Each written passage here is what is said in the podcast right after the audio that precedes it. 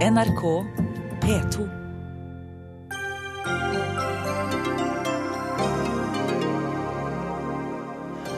Trump-tilhengerne er ikke nødvendigvis hvite, fattige, sinte menn. De kan like gjerne være rike, hvite og religiøse menn.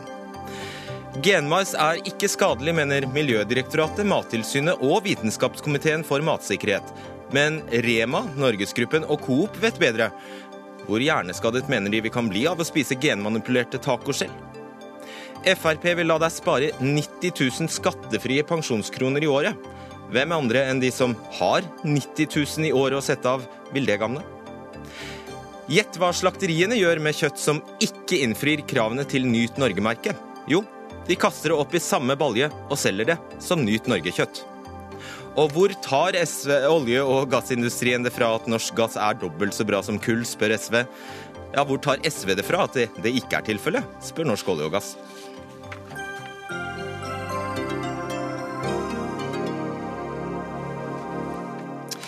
Riktig god kveld og velkommen til Dagsnytt 18. Mitt navn er Fredrik Solvang. Det tør være kjent for de fleste nå. I natt debatterte for første gang de to kandidatene til jobben som eh, verdens mektigste menneske. Det har vært eh, relativt bred enighet om at det var Hillary Clinton som stakk av med seieren i debatten, mens Donald Trump ble stående igjen og klage til journalistene etterpå. Flere amerikanske politikknettsteder trekker fram etnisitet som den viktigste faktoren på hvordan folk stemmer etter nattens debatt. Tidligere har vi gjerne hørt at det er sinte, hvite, unge menn med lav inntekt som støtter Trump. Men nå skriver nettstedet 538 at inntekt er den minst viktige av variablene de testet. Og helt først, Hilmar Mjelde, du er statsviter med ph.d. i sammenlignende politikk fra Universitetet i Bergen. Det heter seg jo at fattige hvite stemmer på Trump. Det er ikke hele sannheten? Nei, altså det er mange faktorer her som eh, faller i lag. Altså Velgermassene splitter langs eh, etniske, økonomiske, geografiske, ideologiske skillelinjer. Så en eh, typisk republikaner, da, det er altså en eh, verdikonservativ, eh, hvit person fra middel- og overklassen. Eh, så eh, en skal ikke hekte seg fast for, masse, for mange sånn enkeltfaktorer, for ting samvarierer ofte, så de sammenfaller, disse ulike faktorene. Og Det kan vel også forklare at de, at de ligger så tett opptil hverandre, fordi det er vel ikke Det er kanskje ikke mange nok av de sinte, hvite, fattige mennene? USA er et så stort, komplekst land. 325 millioner folk, 226 millioner velgere. Ingen enkelt velgergruppe er stor nok til å avgjøre eh, et valg. Og velg, eh, bevegelser i ei velgergruppe kan utløse eh, bevegelser i ei annen velgergruppe. Og, og hver velgergruppe har mange motstridende interesser. Så hva er, hva, si, hva er de største kjennetegnene på en Trump-supporter, som altså da ikke må forveksles med en tradisjonell republikaner? Eh, de kan til en viss grad forveksles, altså, for de er ikke så forskjellige. En Trump-velger er, eh, for å si det på godt norsk, en hvit gubbe. En, en uh, mann i ja, 40-50-årene med gjerne ikke så mye formell utdannelse. Eh, men oppi her, eh, alt dette her, så vil jeg bare minne om et veldig viktig poeng. Vi tenker gjerne at om folk, om de liker den ene eller den andre kandidaten, eh, så velger de parti deretter. Men årsakssammenhengen er i realiteten motsatt. Partitilhørighet står enormt sterkt i USA. Og er du republikaner, så finner du et eller annet å like ved Trump. Er du eh, demokrat, så finner du et eller annet å like ved Clinton. Og Derfor ser en òg nå at denne breie koalisjonen av republikanske velgere er i ferd med å slutte rekkene bak Trump. Nettopp. Uh, Jan Arild Snoen, du er skribent for uh, tanke, tenketanken uh, Minerva. Og jeg får først takke deg for at du har stilt opp i så mange av NRKs programmer i dag. Du begynner sikkert å bli sliten. Hvordan, eller hvorfor, er rase, eller det vi på norsk kanskje ville kalt etnisitet, så veldig viktig i denne valgkampen? Vi har sett nå i en del valg i USA at, eh, at rase, altså identitetspolitikk, hva, hva, du identifiserer deg med, har blitt minst uh, like viktig. Det er en, en viktig faktor da, ved siden av interesser og verdier og holdninger, det vi kan kalle ideologi. Uh, vi så det tydelig i 2008 og 2012, der nesten alle svarte stemte på Obama fordi de identifiserte seg med han. Nå har det vært sånn i lengre tid at uh, demokratene har stått sterkt der, men det ble ekstra kraftig. Og så har du nå en tendens til å få en motreaksjon da, uh, fra mange hvite som nå vil ha sin egen hvite mann. Uh, så det kan, det kan, ses på som en reaksjon på dette. Så er det de langsiktige tendensene her. Trendene vil jo være at, at de hvite mister sitt flertall. Og det som er farlig, er hvis vi nå får en sortering. Ett parti for de hvite og ett parti for minoritetene. Og, er, og Det er noe som Trump bidrar til, og det er en veldig uheldig utvikling. For han trekker heller ikke så mange blant hispanics, altså de spansktalende fra Sør-Amerika med opphav der. Som er den den sterkeste voksende gruppen i USA. Og Mjelde, Hva var det Trump sa i nattas debatt til disse hvite mennene, som har så stor resonans? Det er særlig da at uh, han er en megafon for de som uh, misliker at, uh, som Snoen litt inne på her, at landet endrer seg etnisk. Men òg som føler seg som økonomiske tapere i den globaliseringssituasjonen. Da, at jobber blir uh, flytta ut av USA av konsern. så han, han er Altså, Trump er en person som forsøker å diagnostisere problemene til den eh, hvite industriarbeiderklassen. At han som milliardær har hatt den appellen, viser jo at terskelen egentlig var ganske lav for å nå dem. Han kan ikke relatere seg på et personlig plan, men han prøver å sette ord på hvordan eh, de føler det når de mister jobben og livene går i eh, oppløsning for dem. Men disse menneskene har jo også så mange andre attributter enn hudfargen. Mange andre interesser. Altså mye annet som kunne vært eh, styrende for, for valget de tar. Likevel spiller hudfarge en så stor rolle. Ja, altså... Øh jeg vil si at Det som først og fremst avgjør et amerikansk presidentvalg, er eh, økonomien. Og Det har med å gjøre at eh, den amerikanske velferdsstaten er ikke så stor og raus eh, som den nordiske på langt nær. Så en er mye mer sårbar for svingninger, svingninger i økonomien. Og eh, Trump er jo da med sin næringslivssuksess Han påstår at han skal gjøre det samme for landet som han har gjort for eh, Eh, foretaket sitt. Og mange tror da at han har evnen, erfaringen, Uh, uavhengigheten, uh, den riktige holdningen til å få landet på uh, snu landet rundt økonomisk. Uh, Snoen, altså 538 skriver altså, altså De har analysert seg fram til at det som avgjør for hvite velgere i USA hva de stemmer, det er nummer én religiøs, religiøsitet. Nummer to utdanning. Nummer tre om de bor i by eller på landet. Nummer fire hvor i landet de bor. Nummer fem kjønn. Nummer seks alder. Og til slutt inntekt. Dette er ganske Kan man si eh, Dette står i, eh, i kontrast til det vi ofte blir fortalt? Ja, Det har vært altfor mye fokus på dette med inntekt. Jeg skrev en artikkel om dette for noen dager siden, faktisk, basert på en stor gallupundersøkelse. Og det er jo også verdt å merke seg at når Mjelde sier at det er industrisysselsetting og globalisering og sånn, så viser jo den at det er ikke det heller. Det er ikke det at det faktisk går dårligere med denne gruppen velgere som er Trump. Eh, de bare føler det? De bare føler det. Eh, de føler at det går dårligere. Og de har en sånn angst for at det går dårligere dårligere. Denne Gallup-målingen viser at de rikeste Trump-velgerne føler eh, like stort økonomisk press som lavere middelklasse av de som ikke stemmer på Trump. Så dette er en, det er en idé, det er en ideologi, det er en holdning mer enn det er økonomiske realiteter.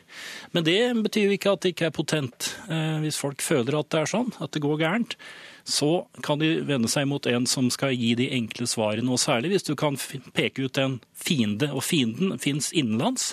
Det er ulovlige innvandrere, og det fins utenlands. Det er kinesisk eh, eksport.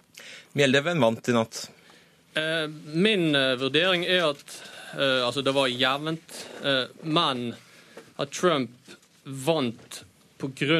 at hans aggressivitet matcher bedre den stemningen som er i velgermassen, etter mitt skjønn.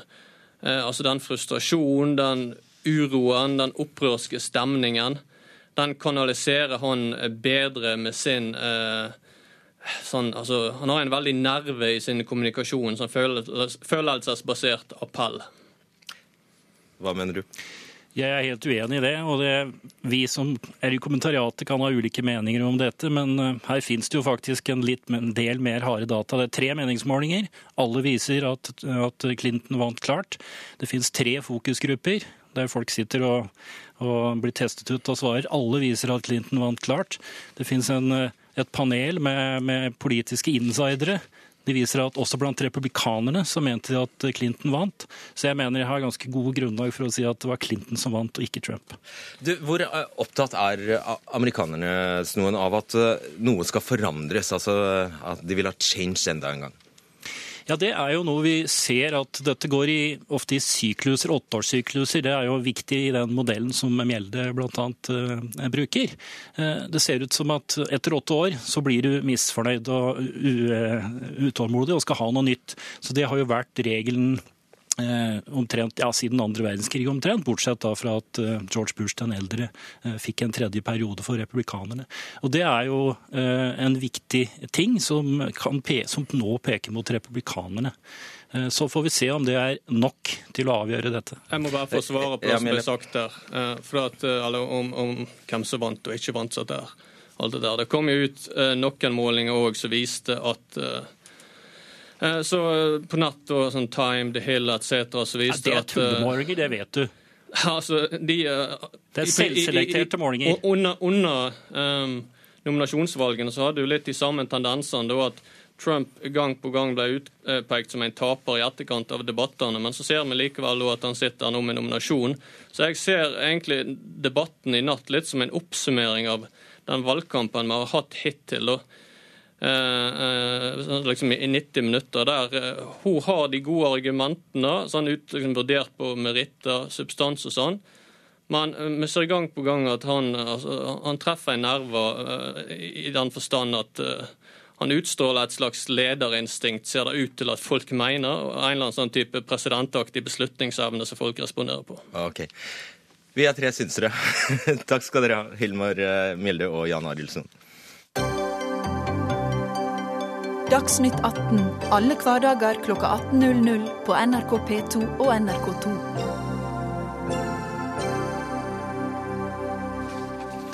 I forrige uke rykket de tre store matvarekjedene vi har her i landet, Norgesgruppen, Rema 1000 og Coop, ut og sa nei til genmodifisert mais som tåler sprøytemiddel som er forbudt i Norge. Sammen med Nettverk for GMO-fri mat skrev de en alarmerende kronikk i VG der de advarte om at maisen kan føre til hjerneskader på mennesker og dyr og påvirke foster og forplantningsevne. Men kan virkelig det stemme, når Miljødirektoratet, Mattilsynet, Vitenskapskomiteen for matsikkerhet og halve Bioteknologirådet sier maisen er trygg? Tage Torstensen, forskningssjef i seksjon for plantebiologi og ugress ved Norsk institutt for bioøkonomi, NIBIO. Hva er GMO? La oss ta det først. Altså GMO det er da mikroorganismer, planter eller dyr, hvor den genetiske sammensetningen, eller arvestoffet, er endra ved hjelp av genteknologi. Klikk på lim, og det gjør man på et eh, laboratorium? Det gjør man på et laboratorium. Vi eh, kopierer gener enten fra andre organismer eller fra lignende planter, og kan da eh, lime de da, og kutte da inn i arvestoffet på den planta vi ønsker å endre. Og så kan vi lime inn da et nytt gen, eh, f.eks. Eller vi kan gjøre små eh, mutasjoner. Så Hva slags magisk mais er det man har greid å lage, da? Her har laga en mais, eller ikke vi, men altså i USA så har man da laget en mais som er resistent mot uh, sprøytemidler. En type sprøytemiddel, og, et, uh, og resistent mot insektangrep. Um, og på den måten så kan man da bruke en helt spesiell, altså bare én type sprøytemiddel for å kunne drepe da alt av uh, planter som vokser rundt, eller ugras, uh, mens planta da kan stå igjen uten skade. Og Det sprøytemiddelet du snakker om, det er altså et ugressmiddel som kalles glufosinat ammonium som er forbudt i Norge. Så da er det jo logisk at vi bare sier nei. Eh, jeg mener ikke det. fordi at uh, Glufosinat ammonium brukes også i konvensjonelt landbruk i andre land, blant annet, eller 80 land på verdensbasis. Det er tillatt i EU til konvensjonelt, i konvensjonelt landbruk. Så jeg mener at det ikke er et argument for å, å forby denne maisen. Alright. Hildegunn Oppsal Sorteberg, du er eh, midlertidig leder i Vitenskapskomiteen for matsikkerhet. Av alle norske faginstanser hvis jeg har forstått rett, så er det bare Bioteknologirådet, og de er også delt, og Nasjonalt senter for biosikkerhet som har sagt nei til denne maisen. Hvorfor det? Dere har sagt ja. Det, grunnen til at de har sagt nei, det må man jo nesten spørre dem om. Ja, Det var en dum, dum måte å formulere på. Hvorfor har dere sagt ja? Vi mener at det ikke fins noe vitenskapelig grunnlag for å si at den maisen har noen større helserisiko eller miljørisiko enn annen dyrka mais eller importert mais.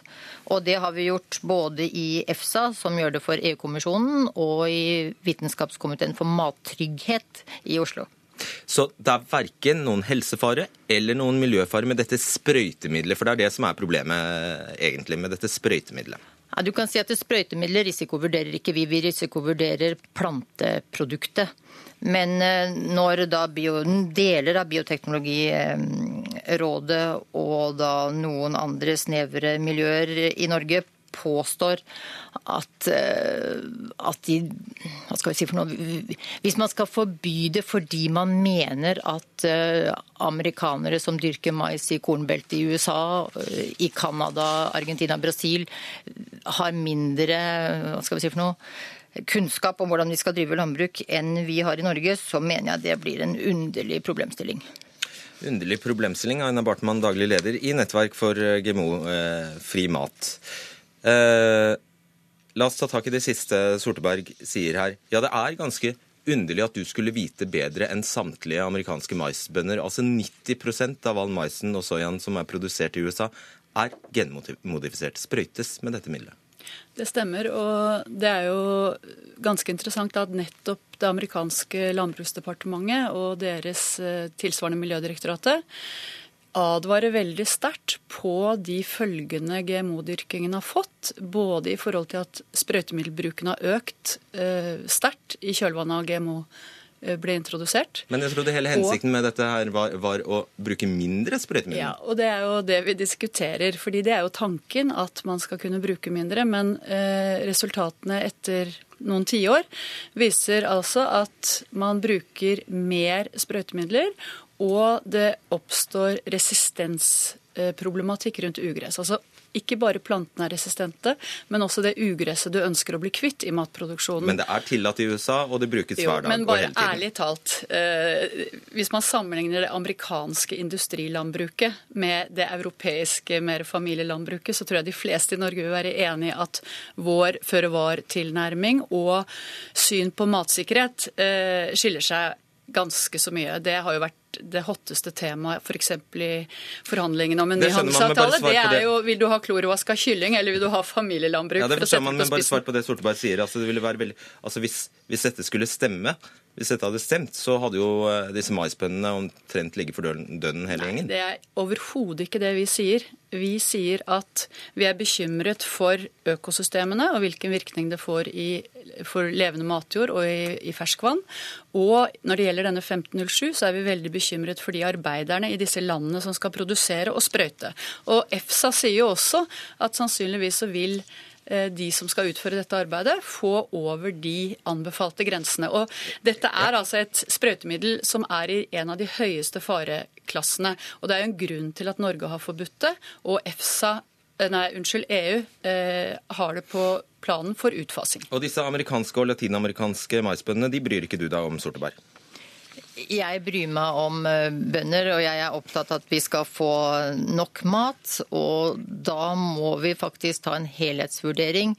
Og det er ikke vitenskapelig grunnlag for å si at den GMO-maisen innebærer noe større risiko enn annen dyrka mais. Så påstander om at, eh, at den skal være helseskadelig, er hva skal vi si Det er litt synd hvis man da skal få en mistillit og da mene at eh, EFSA For vi har også sagt at den maisen er eh, grei. Og da si at vi ikke har kompetanse eller sikrer mattryggheten, som er det som er både EFSAs fremste oppgave for EU-kommisjonen og VKMs fremste oppgave i folkehelsa for norske forhold, så, så er det trist. VKM er altså den eh, komiteen du er Ja. leder for, Vitenskapskomiteen for matsikkerhet. Du får svare veldig raskt. eh, Vi sier ikke at ikke dere har kompetanse, men ser dere på endringene i altså sprøytemiddel og sprøytemiddelbruk? Ser dere på det endrede regimet knyttet til GMO? Det har du tidligere sagt at dere ikke gjør, og at det ikke er mandatet deres. Vi har en annen faggruppe i VKM som har sprøytemiddel som sitt område. Men eh, Mattilsynet ser jo også på verdier og om man har over grensene i de produktene som importeres. Så sånn sett så trygges jo det. Tom, eh, tommel opp fra Mattilsynet også til denne maisen. Knut Lutnes, miljøsjef i eh, Coop. Som eh, Torstensen påpeker, dette sprøytemiddelet vi snakker om her, er tillatt i 80 land, inkludert EUs 28 land. Det betyr at norske Coop, du vet altså best hva som, du vet be, hva som er best for østerrikske og britiske bønder. Coop har halvannen millioner medeiere. Vi, det er viktig for oss å legge føre-var-prinsippet til grunn for, uh, i denne saken her. Uh, og vi mener at det er et udramatisk standpunkt som vi har hatt i, i flere år. Det eneste vi ber om i kronikken, er jo at myndigheten um, legger genteknologiloven til grunn og tar hensyn til de krav som den stiller knytta til eh, samfunnshensyn, bærekraft og etikk. Og vi påstår som sagt ikke at maten er ikke som sagt, men vi påstår ikke at den er helseskadelig. Men poenget Det dere må, så må påstår, er at det er så farlig, for dette sprøytemiddelet er så farlig at man ikke kan importere det til Norge. Da vet dere altså bedre enn bøndene i 80 land rundt omkring i verden. I kronikken så står det ingenting om at vi mener at maisen som sådan er helseskadelig. Vi peker på det problematiske i at Det står at dette sprøytemiddelet har ført til på men kan føre til hjerneskader på mennesker og dyr og påvirke fostre og forplantningsevne. Det Sprøyt, skriver dere. sprøytemiddelet gjør det. Maisen eh, har vi ingen grunnlag for å si at det er eh, at Maisen som sprøytes med dette Helt riktig. Ja. Eh, Norge har forbudt sprøytemiddelet, Eh, og EU er i ferd med å eh, fase det ut. Og Vi syns det er et godt argument for at ikke, ikke innføre den gem- genmaisen til Norge. Og vi igjen, vi legger føre-var-prinsippet Jeg skal bare sjekke om dere hadde noe faglig grunnlag for å eh, advare mot det. Tage Torstensen, hva, med, hva er det Coop driver med? Jeg mener at dette er en skremselspropaganda eh, hvor man kanskje ønsker å selge mer og gi inntrykk av at sin, den maten de selger, er, er ren. eh, Og at eh, man implisitt sier at GMO er farlig. Eh, For det som er tilfellet, er at man er veldig bekymra for dette sprøytemiddelet så fort det er snakk om GMO, men ikke når det er konvensjonelle sorter. Fordi det er tillatt som sagt, i 80 land per i dag. Det brukes i konvensjonelt landbruk.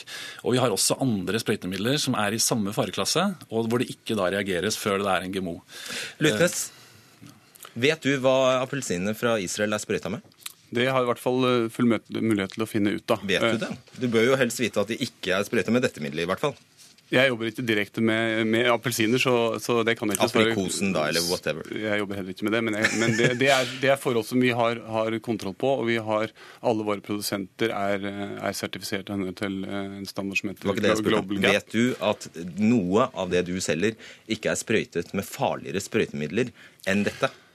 Det er, eh, altså det er ikke et argument for å, å tillate et produkt Det som bør jo fører helst til mer, være det når det er det argumentet du anfører. At det er et veldig farlig sprøytemiddel. Ja, det er et veldig farlig sprøytemiddel. Ja, så da spør jeg deg, Har du kontroll på de øvrige sprøytemidlene deres frukt og grønt blir utsatt for? Vi har kontroll på de andre sprøytemidlene, ja.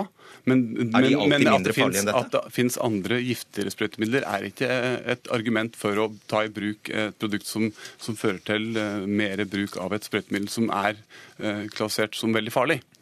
Stemmer det Bartmann, at vi tillater, eh, stemmer det, eller stemmer det ikke at vi tillater sterkere sprøytemidler enn dette sprøytemiddelet i Norge i dag? Det kjenner jeg ikke til, men jeg syns faktisk ikke det er et Altså hvis det blir lagt på bordet, at vi har noe som er enda farligere, så ville vi faktisk vært imot det også. Dette er jo forbudt i Norge fordi det faktisk er spesielt farlig for pattedyr.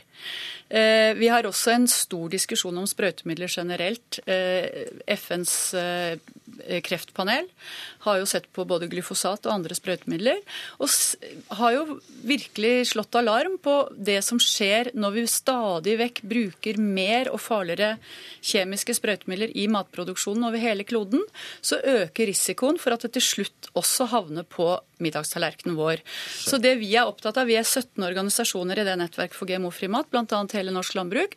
Vi er jo opptatt av at vi må gå den helt motsatte veien. Vi må finne måter å produsere mat på som er mindre avhengig av kjemiske sprøytemidler, og ikke mer. Og Derfor er dagens sprøytemiddelresistente GMO-er en dyr og farlig blindvei. Vi må komme oss ut av den. Og så må vi se hva genteknologi okay, kan brukes så- til positivt på En- andre områder. Og dette er altså en blindvei, Sorteberg, som du er i ferd med å føre oss, eh, du og dere er i ferd med å føre oss eh, inn i, som om vi skal tro det vi leser, kan føre til vanskapte befostre og blå frukt og det som verre er. Ja, det, sprøytemidler er jo nettopp noe man kan unngå å redusere bruken av ved å bruke genteknologi. Så Sånn sett så er det ikke noen kobling mellom de der, selv om noen miljøer har en tendens til å hevde det.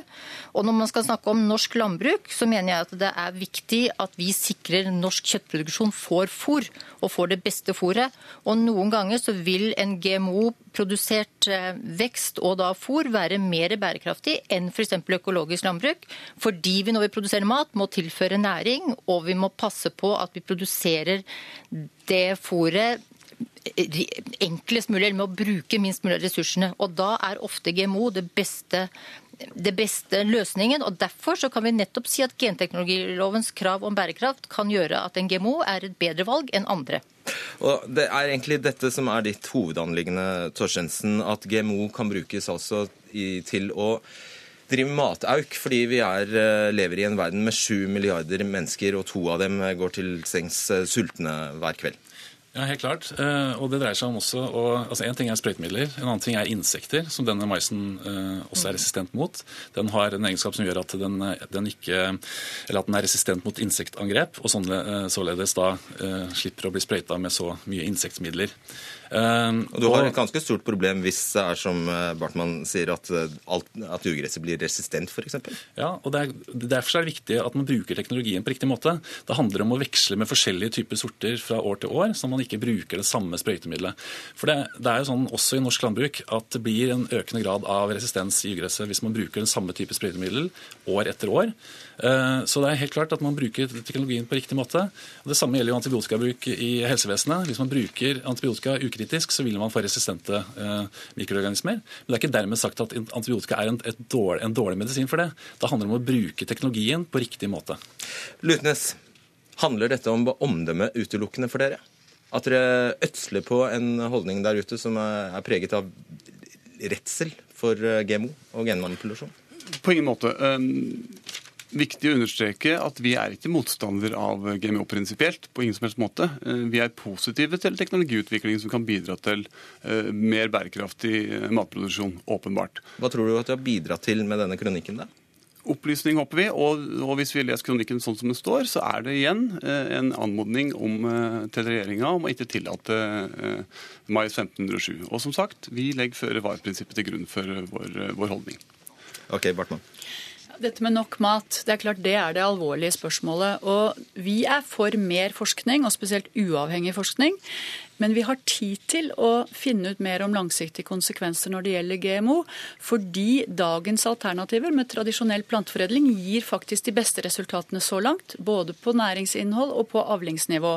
Eksempelet med Golden Rice fra Asia er veldig godt der. Det er en del mennesker som går til sengs sultne, som jeg sa. Jo, og det jeg sier er at faktisk de beste resultatene når det gjelder å øke avlinger, få til tørkeresistens i Afrika på mais, så er det det tradisjonelle arbeidet mellom bønder og planteforedlere som har gitt mest næring og høyest avlinger til nå. Men vi er åpne for at genteknologien kan være et viktig virkemiddel Ja, for virkemiddel det, det er viktig å få fram. Dere er Ja. ikke prinsipielt Nei. imot genteknologi, og da skal du få avslutte, Torstensen. Du har jo en ganske, et ganske stort ansvar som tilhenger av denne teknologien eh, for at dette ikke bare sklir ut av kontroll. Ja, altså, du kan si, sånn som Nettverket sier, da, De ønsker mer forskning, og de er ikke prinsipielt imot GMO. Men altså, hvor lenge skal man forske på dette? her? Altså, det er All dokumentasjon som finnes uh, tilgjengelig, tyder på at uh, GMO er trygt. Det gir også redusert sprøytemiddelbruk uh, totalt sett. Eh, og spesielt er det effektivt mot insekter. Så jeg mener at den eh, forskningen som foreligger, helt klart har bevist at GMO er trygt. Og jeg tror også at vi kommer til å få nye GMO-er i framtida som kommer til å være enda bedre. Og skal vi bare legge til at eh, Hvis du er interessert i temaet, så kan du slå på NRK1 i morgen kveld. Da skal Folkeopplysningen dreie seg om eh, genmanipulert mat. Og at Filter nyheter var de første til å skrive om dette, oss bekjent, i denne runden. Tusen takk skal dere ha, Tage Torstensen, Aina Bartmann, Knut Lutnes og Hildegunn Oppsal Sorteberg.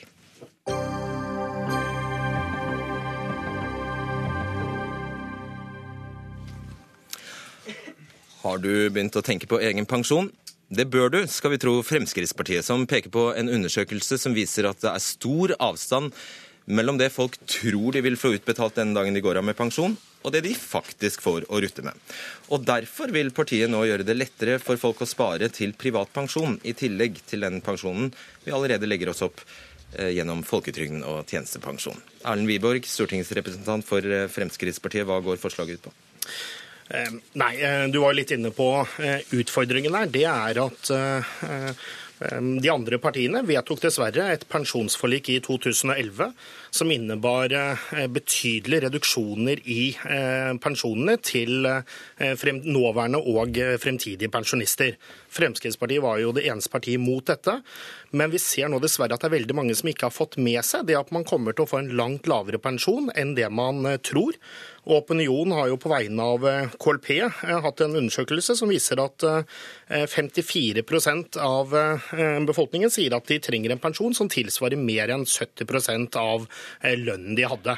Og det er langt unna det de har. Og da ønsker Fremskrittspartiet å legge ene at vi ønsker å gjøre endringer i pensjonsforliket, det er ingen hemmelighet. Men så lenge vi ikke får til det, ønsker vi da å legge til rette for at folk skal i større grad enn i dag kunne spare til egen pensjon, i tillegg selvfølgelig til det du får fra folketrygden. Ja, Det var ca. det jeg sa i introduksjonen, Wiborg. Det var nå du skulle ha sagt at i dag er det altså sånn at du kan spare 15 000 i såkalt individuell pensjonssparing og få tilbake penger på skatten for det. Du vil øke dette beløpet til 90 000 kroner. Ja, sant? viktigst for oss er å øke det. Vi har sagt i inneværende program at opp mot 1 G. Men vi er, vi, åpne her, vi er åpne her for å diskutere mange mulige løsninger. Det viktigste for oss er å sørge for å ha et system der folk flest i større grad enn i dag kan spare Hvor mange tror du har 90 000 å sette av hvert år? Nei, det vil eh, variere veldig. Eh, Men det, viktige, det kommer jo også selvfølgelig an på hvor tidlig begynner man å spare. Hvis du begynner allerede når du er i slutten av 20-årene, starten av 30-årene, da trenger du kanskje ikke spare så mye du eh, Men er så mye, de som men- men har, det varierer. Poenget mitt var at det det er kanskje de som har mest fra før, som vil ha disse 90 000 å sette av. Ja, det vil variere. Selvfølgelig De som har mest, vil alltid kunne spare mer. Sånn vil det alltid være. Men det er jo derfor det er viktig og bra å sørge for å få et system som gjør faktisk at folk flest kan få skattefordeler av å spare til egen eh, pensjon. Eh, ikke som eh, i dag, der f.eks. ungdom i dag får skattefordeler når de skal spare til sin eh, første bolig gjennom Boligsparing for ungdom-ordningen. Eh, og da syns vi også at fremtidige pensjonister skal kunne få den type goder. Sveinung Rotevatn, stortingsrepresentant for eh, Venstre. Som sagt, det maksimale spar- sparebeløpet i dag er 15 000. Det er så godt som ingen som benytter seg av denne eh, ordningen. Den har, dette taket har også for øvrig stått stille siden 2008. Så det er uansett på tide å gjøre noe med denne ordningen. Ja, så Det er vel 15 000 det du maksimalt kan få i skattefradrag, eh, som er jo det relevante i diskusjonen her. Eh, først vil jeg si at dersom det skal være håp om at jeg og Wiborg og andre skal få pensjon i det hele tatt i framtida, så er pensjonsforliket en helt avgjørende del av det. Og det At Frp etter tredje år i regjering fortsatt sitter og later som de er imot det, det er for så vidt en egen debatt. Nei, da, det- alle vet at de sitter og administrerer pensjonsreformen hver dag. det er greit, vi kan Ja, ta det en annen gang. Men uh, til privat pensjonssparing. Um, Venstre er for privat pensjonssparing. Det er bra at folk sparer til sin egen pensjon. Spørsmålet er hvor mye skal du kunne få i skattelette hvert år for å gjøre det? Uh, og da uh, mener vi at det å øke opp så mye som Frp her antyder, det vil koste veldig mye penger over statsbudsjettet.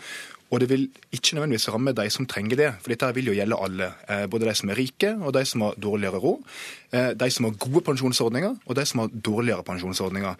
De vi virkelig bør snakke om her, og det kan vi godt komme tilbake til, det er de som i dag har en dårlig ordning for privat pensjonssparing, og det er de selvstendig næringsdrivende. Vi kan også snakke om at du i stedet for å innføre et eh, skattefradrag kunne økt, rett og slett økt folketrygden. Det ville vært rettferdig. Jo, og det er jo, eh, Vi har jo allerede i inneværende periode gjort flere viktige grep for eh, landets pensjonister. Fremskrittspartiet fikk jo som kjent nå 1.9. i år fikk vi gjennomslag for å redusere avkortningen for gifte og samboere. Hvis du var opptatt av at vi skulle få høyere pensjon. Det er derfor vi ønsker å også være målrettet. Det er derfor vi har fjernet den usosial, eller redusert den usosiale avkortningen for gifte og samboende pensjonister. Og vi har økt pensjonen for enslige minstepensjonister. Det er eh, direkte, konkrete grep som, har, som Fremskrittspartiet har kjempet lenge for, som vi fikk gjennom sammen med bl.a. Venstre og Kristelig eh, Folkeparti. Under dagens ordning Wiborg, begynner man å betale skatt på den individuelle pensjonssparingen idet man pensjonerer seg.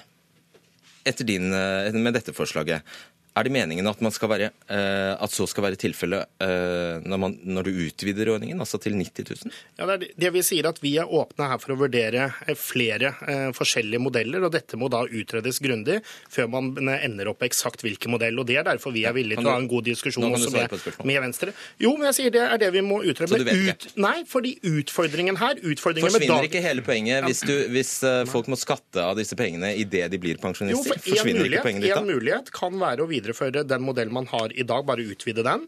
Der man da slipper å betale skatt når du putter pengene inn, og så tar du, betaler du heller skatt når du tar pengene ut.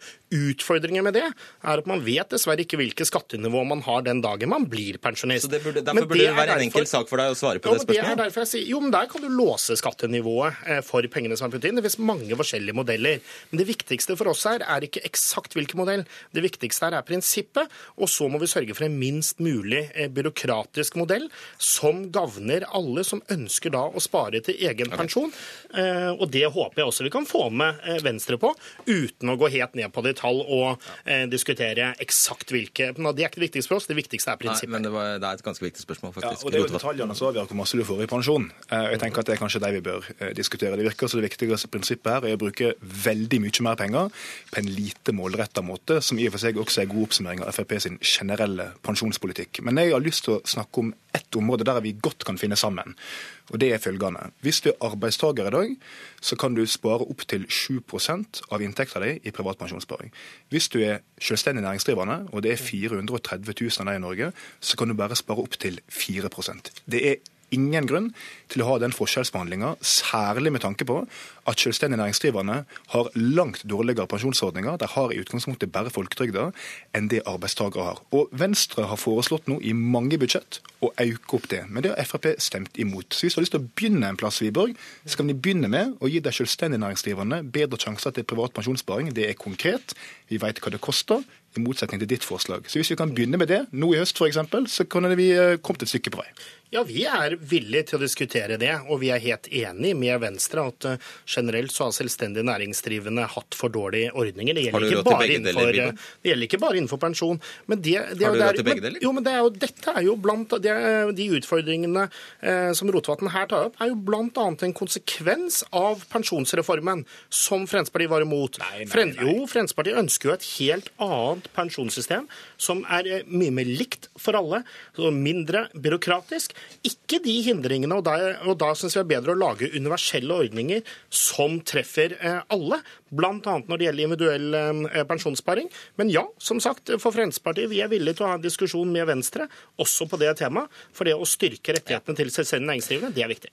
Ja, men da synes jeg Det høres ut som at Frp sin politikk på området her, det er at den er for i teorien og har gunstigere ordninger for privat pensjonssparing, men en vet ikke helt nøyaktig hva en vil, hva det vil koste eller hvordan detaljene skal være. som det sier. Men når vi presenterer dere med et helt konkret eksempel som er målretta mot de som i dag blir urettferdig behandla, som trenger styrkeordninger, så stemmer dere mot. Jo, År etter år. Og jeg tenker at I år så har dere sjansen til å stemme for, og jeg venter i spenning. Men- Siste, og, siste Ja, spørsmål til deg, til- Wiborg, og du må svare raskt. Er, dere er for at folk skal stå lenger i jobb, dere i Frp også. og Du skjønner hvilken retning et sånt forslag som dette her vil trekke, nemlig motsatt. Nei, ikke nødvendigvis. Men det vi ønsker er å gi makten til den enkelte. Når de andre partiene nå har valgt med viten og vilje å kutte i landets, eh, i eh, dagens eh, pensjonisters pensjon og fremtidig pensjonisters pensjon, da, som Fremskrittspartiet var og er uenig, da mener vi det er viktig å prøve å rette opp mest mulig av det. Og vi har kommet med flere grep som vi allerede har styrket pensjonene, og nå kommer vi med enda et som skal legge til rette for enda bedre ordninger for de som ønsker da å spare til egen pensjon. Det høres ut som noe du bør ta opp med din egen arbeidsminister. Takk skal dere ha, Erlend Wiborg og Sveinung Rotevatn.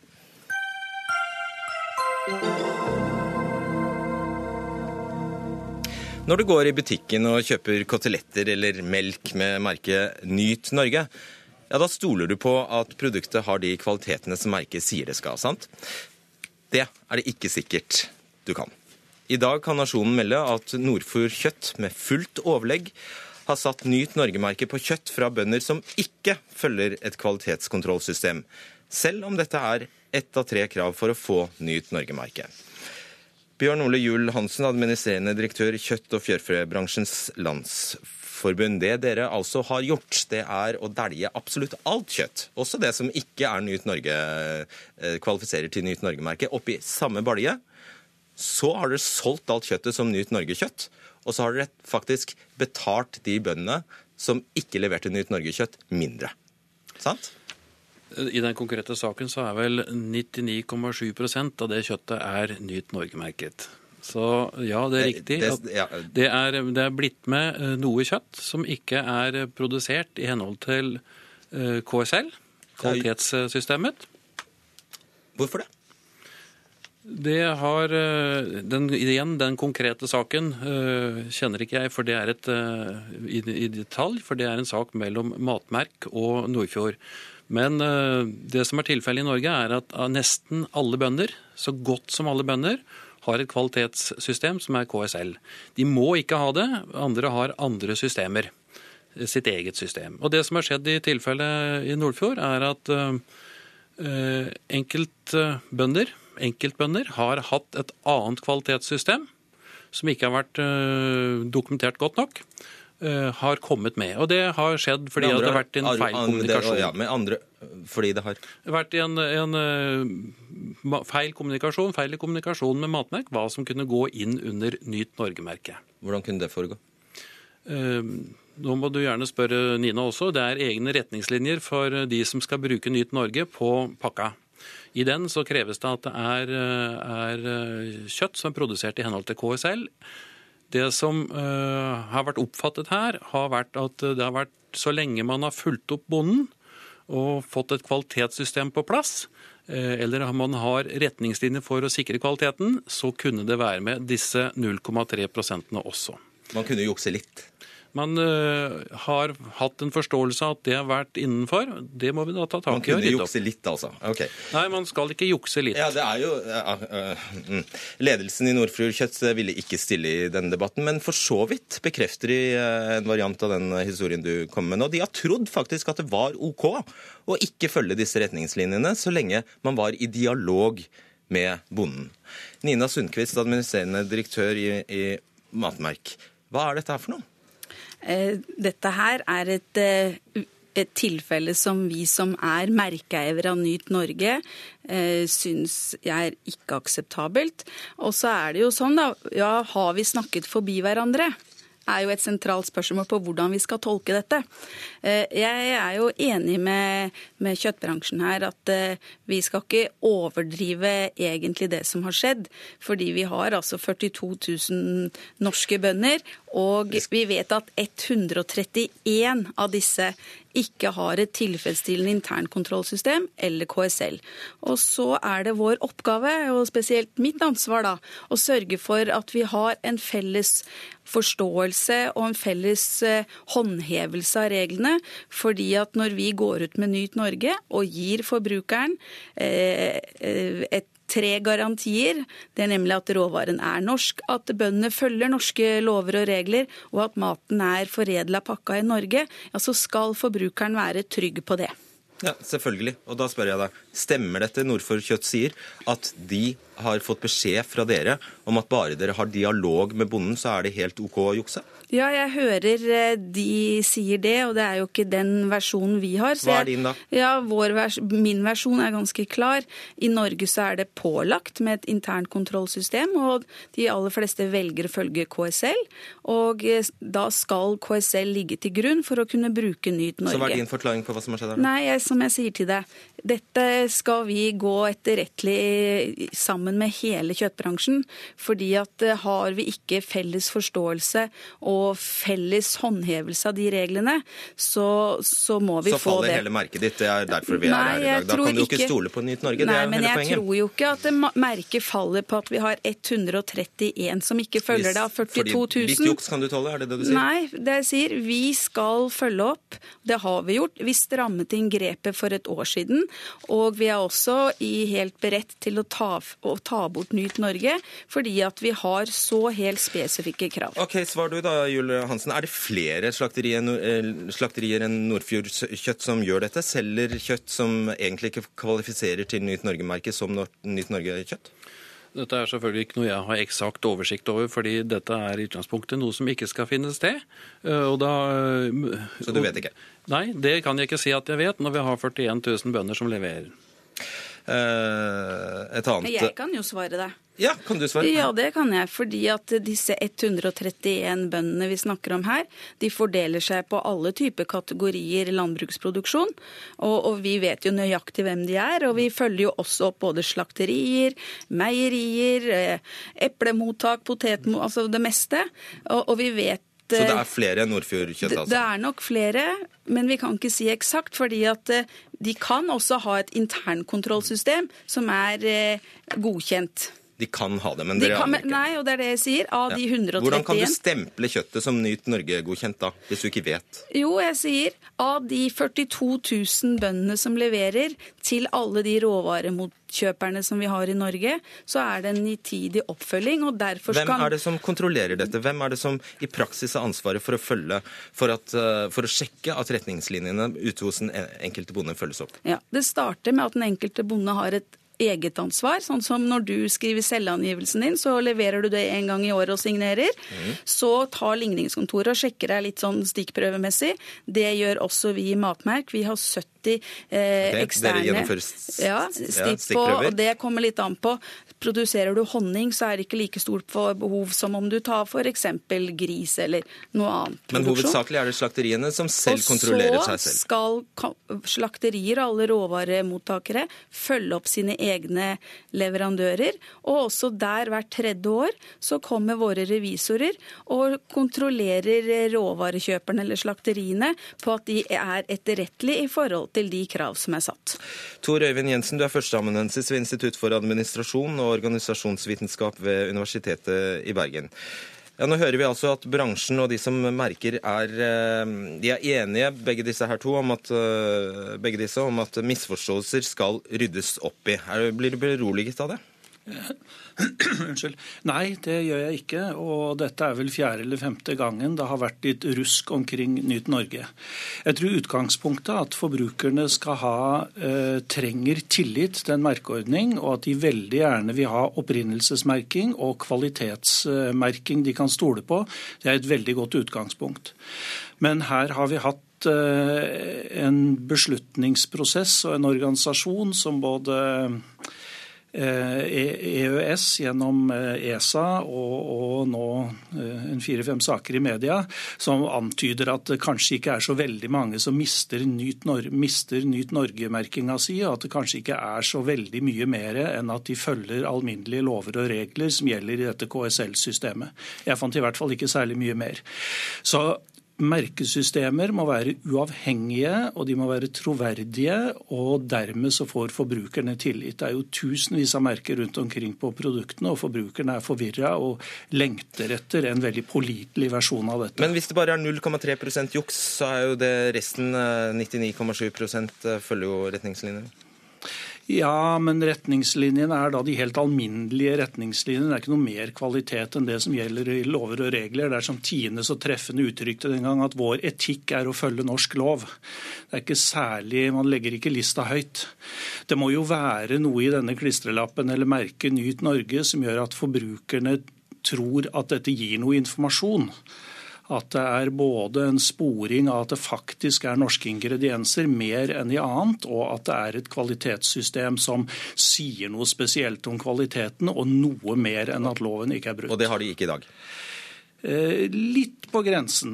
Det, det, det, ikke, virker ikke troverdig nok som en uavhengig sertifiseringsordning. Bjørn Ole Juel, du skal få svare på det, Sønkvist, men Bjørn Ole Juel Hansen, i Nasjonen kunne vi lese om eh, bonden Hans Ulvedal som fikk trekk på 6000 kroner i slakteoppgjøret fordi han ikke brukte dette kontrollsystemet.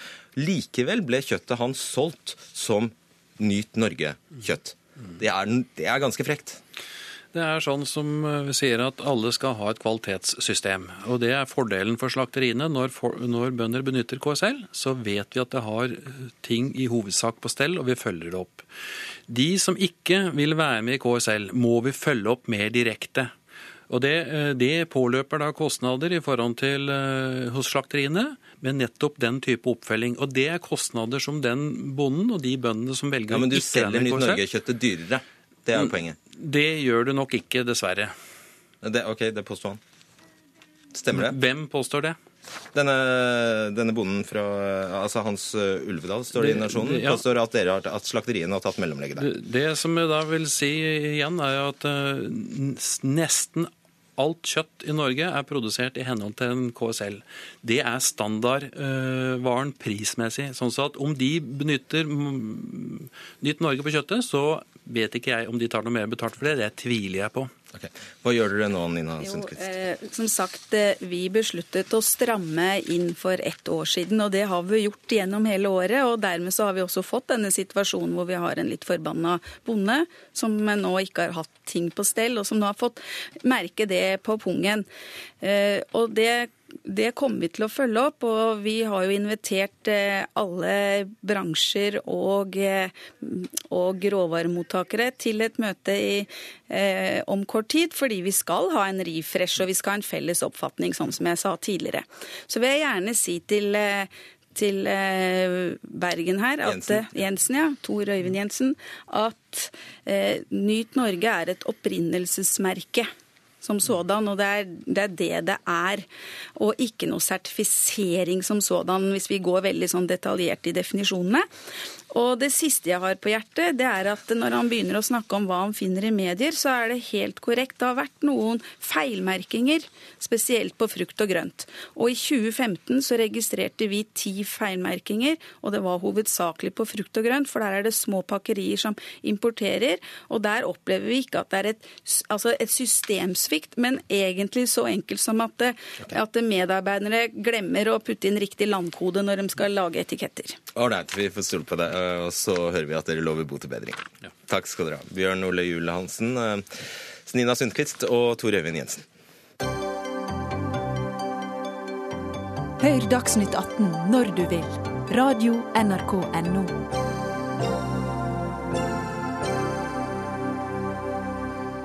Er gass en del av løsningen på klimautfordringene? eller er det en del av problemet? I helgen skrev Aftenposten at det er vanskelig å finne bevis for at gass er dobbelt så bra som kull. Både den norske regjeringen og norsk oljeindustri har jo hevdet det. Hildegunn T. Blindheim, direktør for eh, klima og miljø i bransjeorganisasjonen Norsk eh, olje og gass. Eh, dere, gjør, dere fortsetter å hevde dette, at gass er dobbelt så bra som kull. Hva er kilden din for det? Det gjør vi. Eh, I framtiden så kommer vi til å trenge enda mer energi for en voksen befolkning. Eh, og da er vi nødt til å dreie bruken av energi fra noe som forurenser veldig mye, til noe som forurenser mye mindre. Fornybar energi vokser kraftig og imponerende kostnadskutt, eh, men det vil ikke dekke behovet for energi i alle sektorene. Nå håper jeg du snart svarer på spørsmålet.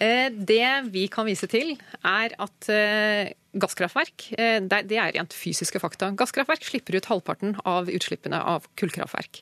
Det som eh, var noe av poenget til Aftenpostens eh, artikkel, var at skal gass være et bedre alternativ enn kull, så må det være lave utslipp fra produksjon både av CO2 og metan ned fram til forbrukerne.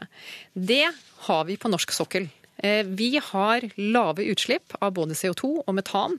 Og vi rapporterer absolutt alt av utslippsdata til miljømyndighetene, som godkjenner dem.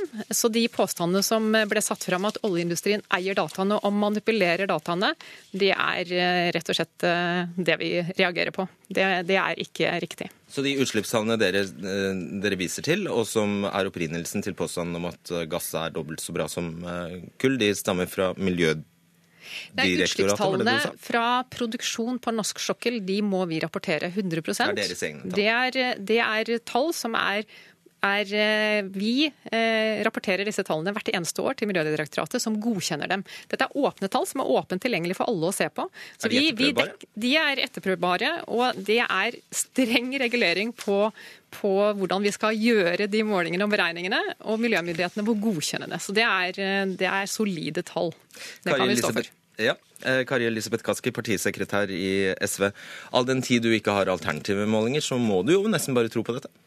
Ja, og eh, jeg er sikker på at de, de rapporterer inn eh, tall som de mener er riktig. Det jeg syns er viktigere å se på, er jo om eh, det er sånn at gass faktisk er en klimaløsning. Fordi at vi, Det argumenteres her fra oljebransjen at vi skal erstatte gass, nei, kull med gass, fordi det vil kutte klimagassutslippene. Fordi gass slipper ut halvparten så lite som kull er påstanden. Men hva betyr det? Jo, det betyr at eh, verdens, hvis du ser på verdens totale klimagassutslipp, så står kull for 25 av det. Det vil si at hvis du erstatter i morgen alt kull med gass, så kutter du verdens klimagassutslipp med ca. 12% Det er jo ikke nok for å løse klimaproblemet. Men det er litt. Ja, det er ikke nok for å løse klimaproblemet. Og da kommer vi til argument nummer to.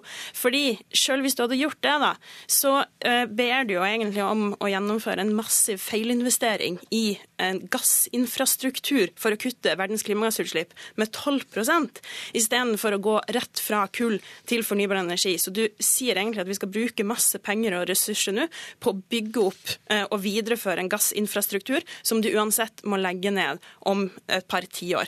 Så du har ingen grunn til å betvile at uh, disse tallene som fordi det var jo noe av tema, tematikken i Aftenposten. Du har, du har ingen grunn til å betvile at uh, norsk gass faktisk er halvp- dobbelt så god, ren som eh, kull. Altså, Vi ser jo at det har vært mange artikler og mange saker gjennom de siste årene som viser at det er nok høyere metanutslipp enn det eh, man har sett tidligere. Men det vesentligste i argumentasjonen fra norsk eh, olje og gass er jo at gass skal være en klimaløsning. Og det vil jeg jo argumentere veldig sterkt for at det ikke er. Så jeg vil jo oppfordre bransjeorganisasjonen om å være på en måte ærlig med motivene òg. For det er helt legitimt å ønske å tjene penger på å selge gass, men det er altså det de vil. Ja, da er eh, Selv innenfor de målene vi har satt oss i Paris, så vil det være behov for olje og gass. Og vi vil greie å nå klimamålene. Men det vil vi ikke greie. Vi vil ikke greie både å nå klimamålene og møte verdens energibehov uten gass. Fordi gass er en langt bedre løsning enn kull. Og Kari refererer til eh, studier som viser at metanutslippene er mye høyere. Ja, det kan være andre steder, men det som er unikt med Norge og produksjonen i Norge, er at vi er helt nødt til å rapportere absolutt alt av utslipp. Eh, Det betyr at vi har, eh, vi har gjennomført et langt, grundig arbeid sammen med Miljødirektoratet nettopp for å kartlegge metanutslippene våre på norsk sokkel. De er lavere enn tidligere antatt, og de er mye lavere enn det som kommer fram i andre studier hvor de sier at da går vinninga opp i spinninga. Så at gass er dobbelt så bra som kull i forhold til klimagasser, er helt klart. Og FNs klimapanel anerkjenner også at gass må være en del av løsningen, men da må disse utslippene fra produksjon av de som skal produsere den oljen og gassen som er i energimiksen på lang sikt, de må være lave. Men det er jo ikke det sånn at du ikke forstår hva hun sier. Hun sier at det er en ganske klar forutsetning for at hele resonnementet skal henge, på greip, at man ikke kjører seg fast i et gasspor. Nei, vi, men, men gass og fornybar henger sammen. De er veldig gode partnere. Både i Europa og ellers i verden. Så gass er en del av klimaløsningen. Det er det vi sier. Vi sier ikke at gass er hele løsningen, men vi sier at gass er en del av klimaløsningen. Og vi må få til så mye fornybar som vi bare kan få til. Ja, Jeg lurer jo litt på hvor, eh, hvor bransjeorganisasjonen har vært de siste årene. For å si at de er gode partnere, er jo i beste fall ønsketenkning. For vi ser jo at fornybar energi utkonkurrerer gass i Europa. Så tvert imot så står jo eh, den norske stat, men også den norske olje- og gassbransjen overfor et, et ganske viktig strategisk dilemma. Eh, fordi at vi ser at gass i dag utkonkurreres i Europa. fordi man bygger ut Du må ikke gjenta det flere ganger, for fordi da må jeg dra statistikken for deg. Altså, eh, fornybar fornybar markedsandel utgjør 2,8% på verdensbasis. Ja. Gass utgjør 23,8 Det er ikke sånn at fornybar utkonkurrerer Ja, men gass. se på veksten, da. Og det utkonkurrerer. Når det legges ned gasskraftverk etter gasskraftverk i Tyskland, den eneste årsaken til at det legges ned og at det ikke er lønnsomt med gass i Tyskland, er pga. fornybar energiutbygging. Så det er fakta, og derfor er det en feilinvestering i Og vi skal til fornybar. Vi skal selvfølgelig ha så mye fornybar vi får til å bygge ut. Men det vil ikke dekke energibehovene. Og nå er, en ting er det riktig at fordi det er lave CO2-priser i Europa, så er det kull som kommer inn på markedet. Eh, men, men, det som er Det er Nei, det som er viktig å få med, er at både gassorganisasjonene og fornybarorganisasjonene jobber sammen som partnere i Europa, og EU er helt tydelig på at de trenger norsk naturgass. Takk Ida Tune Øresland, Marianne Myrhol og Fredrik Solvang. Takk for seg. Hør flere podkaster på nrk.no podkast.